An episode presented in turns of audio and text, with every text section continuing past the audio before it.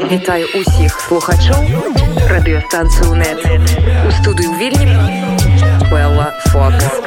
Сёння ў маёй студыі прысутнічае Тім Суладзе, які стаў вядомы беларускім рэлакантам у літве, калі ён спрабаваў трапіць на тэрыторыю літвы і за 24 гадзіны, які правёў на мяжы, вывучыў нават літоўскі гімн. Часам мы сустракаем яго на вуліцах, калі ён іграе на трубе. Вітаем вас, Тім. Вітаю вас. Дзякую вялікі, што пагадзіліся з намі сёння паразмаўляць. Ну канешне, хочацца запытаць перш-наперш, што вас падштурхнула для таго, каб зрабіцца рэлакантам. Ці вы удзельнічалі ў пратэстах, у рэвалюцыі, ці вы былі асуджаны, калі можна у некалькі словаў пачуць пра тое, што з вамі адбылося ў мінулым годзе. Так, я удзельнічаў у пратэстах і не адзін раз быў асуджаны два разы па знакамітай нашай адміністрацыйнай артыкуле 2334. Сваі пратэсты я пачаў яшчэ ў Грузіі перад нашай беларускай амбасадай, дзе ў той момант нахадзіўся, галасаваў я, дарэчы, таксама ў Грузіі, быў унесены ў чорны спіс беларускага міда за тое, што э, праташчыў телефон э, кабіну сфотаграфаваў свой бюлетень выложыў у фейсбуку яшчэ напісаўшы у іх там э, меры без бяспекі такія што вось я гэта ўсё змог зрабіць. Но яны там рвалі і металі канешне. Потым я вярнуўся ў мінск і таксама пачаў удзельнічаць у пратэстах. Я двойчы быў арыштаваны за музычныя перформансы. і і э, пасля першага пасля першага ары што я вырашыў даваць дабрачынныя канцэрты я ўвогуле хацеў іх даць 20 паахвяраваць усе собраныя сабраныя грошы ну, дабрачынная фонда але я здолеў зрабіць толькі сем канцэртаў і после сёмага канцэрта мяне затрымалі другі раз. І калі я выйшаў з турмы пасля другога арышту гэта ўсё навогул прыкрылі я больш не мог даваць такіх дабрачынных канцэртаў ну вось так. а Тім, за што менавіта вас затрымалі пры якіх абставінах, дзе праходзілі гэтую форму арышту, у якіх турмах і колькі сотняў вам далі беларускія суддзі? Першы раз гэта была субота 10 кастрычніка каля, каля 18 гадзіны. Значит, людзі збіраліся на марш на праспекце незалежнасці ў сторону плошчы перамогі ішлі. Як ля Макдональдсу іграў нашу пратэсную музыку, муры, чарапахі гэтак далей. Ну, дарэчы, я паспеў толькі 10 минут там пайграць, бо пад'ехаў бусік і мяне затрымалі адразу ж. Другі раз гэта быў акурат пасля дабрачыннага канцэрта. Калі ўсе разышліся я уже сядзеў у машыне пад'ехаў бусік меня пера падрэзаў і затрымалі. Усяго я адсядзеў 28 сотняў. Першы раз 13 другі раз 15 практычна ва ўсіх беларускіх турмах. Гэта была крэсціна і чу тип жодзіна магілёў і барановича Вось такая вось цікавая геаграфія. Ну і што зрабілася такой падставай, каб вы ўжо прынялі асэнсаванае рашэнне пакінуць Беларусь на невядомы час, каб шукаць нейкі часовы прытулак у літве. Я да апошняга часу не хацеў нікуды з'язджаць. Я аб гэтым пісаў, што я застаюся, што я буду здесь, ну, то бок там у Беларусі але пачалі арысту арыштоўваць шмат маіх знаёмых і за тую самую дзейнасць якой займаўся я. Гэта не толькі музыка гэта і дабрачынная дзейнасць гэта дапамога іншым ахвярам заплата і штрафаў і гэтых далей. І гэтыя арышты былі ўжо не на сотня але па крымінальных справах. І я вырашыў усё ж такі уехаць і тым больш я ўсю сваю дзейнасць або ўсёй сваёй дзейнасці я пісаў публічна значит я ў кожны дзень калі былі тыя дабрачынныя канцэрты я пісаў дзе яны адбыліся колькі быў людзей колькі я грошай сабраў куды я куды я іх ахвяраваў гэта ўсё да, да гэтага часу ёсць у адчыненым доступы у форме публічных паст допісаў усё гэта есть. І я так палічыў что хіба там у цел, у целого глубопіка калі яны до мяне дабяруцца усім будет там по палкам по звездах увогуле я решил з'ехаць Так ці у вас адбіралі телефон пры арышце ці быў нейкі доступ да ваших персанальных сацыяльных сетак?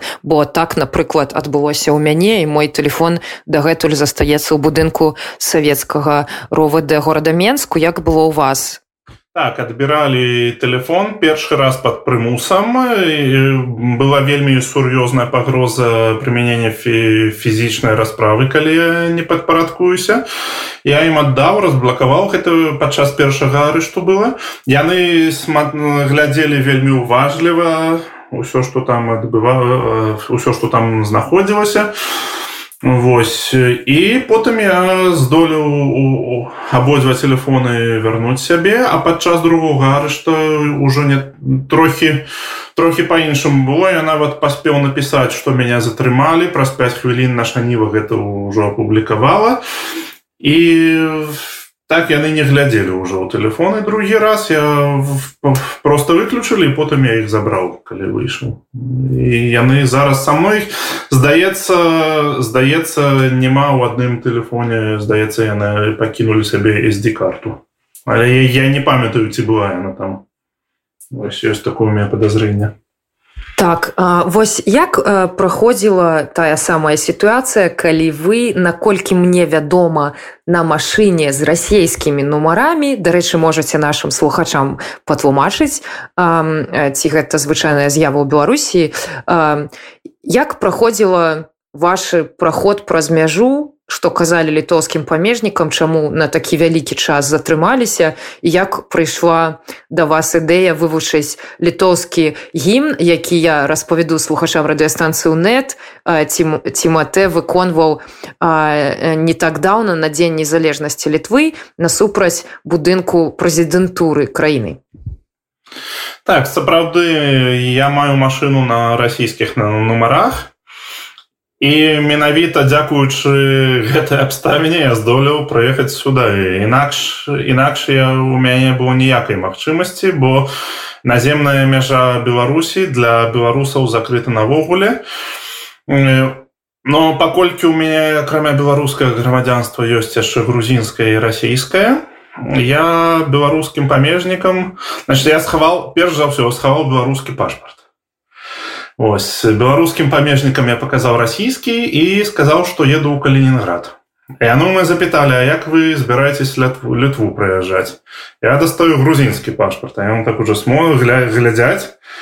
А калі вы ўехалі ў Беларусь пытаюць. Ну і я ляпнуў, што ў верасні. А дзе ваша рэгістрацыя? Бо больш 90 дзён. А я так ну для сябе думаю на ну, якая рэгістрацыя ж беларускі грамадзянін перш за ўсё а яны то гэтага не ведаюць. Ну я так трохі краснець пачаў чырванець так? Э, Ну яны сталі яны сталі тэлефанаваць куды ісці і праз некалькі хвілін значыць сказалі ну на першы раз кіраўнік змены начальнік значыць даёс вам папярэджанне. Ну, іншым разам так не рабіце і ўсё ўсяго добрага. І адчынілі мне шлагбаум. Ну, гэта было так трохі нервозна. а А літоўцам літоўцам я аддаў усе тры мои пашпарты. Яны дарэчы ведалі ўжо што я грамадзянін трох краін. Я бо я запытаў напярэдадні гуманітарны калідор я ўсё гэта растлумачыў. І паколькі гэта, гэта было субота но я так быў вымушаны там чакаць трохі больш чым 24 гадзіны практычна пол, полторы дні то уся субота і палова нядзелі ось. І у нядзелю у нядзелю ўвечары яны мяне пропусцілі я сапраўды вывучыў стаў вучыць літоўскі гімн Ну бо трэб, трэба ж было чымсьці сябе заняць там. Яны мяне выделілі такой пакойчык вельмі утульны з канапай для собачек простора была показали мне где с собачками гулять там можно значит показали где есть магазин. Дарэчы раз у день да приносили мне ежу за кошт літоўской державы. Вялікі дзякуем за гэта Ну і увесь астатні час я быў сам з сабой ну штосьці патрэбна рабіць вот я решыў А я, я так думаю думаў ну літоўскую мову пачну вучыць думаю не гэта складана гэта пазней. Чаму чаму мне вывучыць літоўскі гімн? І пачаў яго вучыць. Калі можна запытаць у вас а, як праходзіла ваше уладкаванне ў двух словах тому что калі вы кажаце пра сабачак мне трэба распавесці слухачам что у вас іх тры і вы усе тры сабакі вывезлі разам з сабой і зараз разам з імі жывеце тут у вільні. Так у мяне тры сабакі яны сам са мной падарожнічаюць яшчэ з грузіі калісьці я іх маленькіх ш шаночка ўзяў с улицы забраў ось і з таго часу яны за мной і натуральна я нават э, не разглядаў ніякіх іншых варыянтаў я іх вырашыў браць з сабой сюды. Ось, ну я загадзя э, з, з дапамогай э, значыць мне некалькі дабрачынных фондаў дапамаглі ось і мне далі гатэлі які такі 5 френдлі які значыць у якім можна было уладкавацца з сабакамі.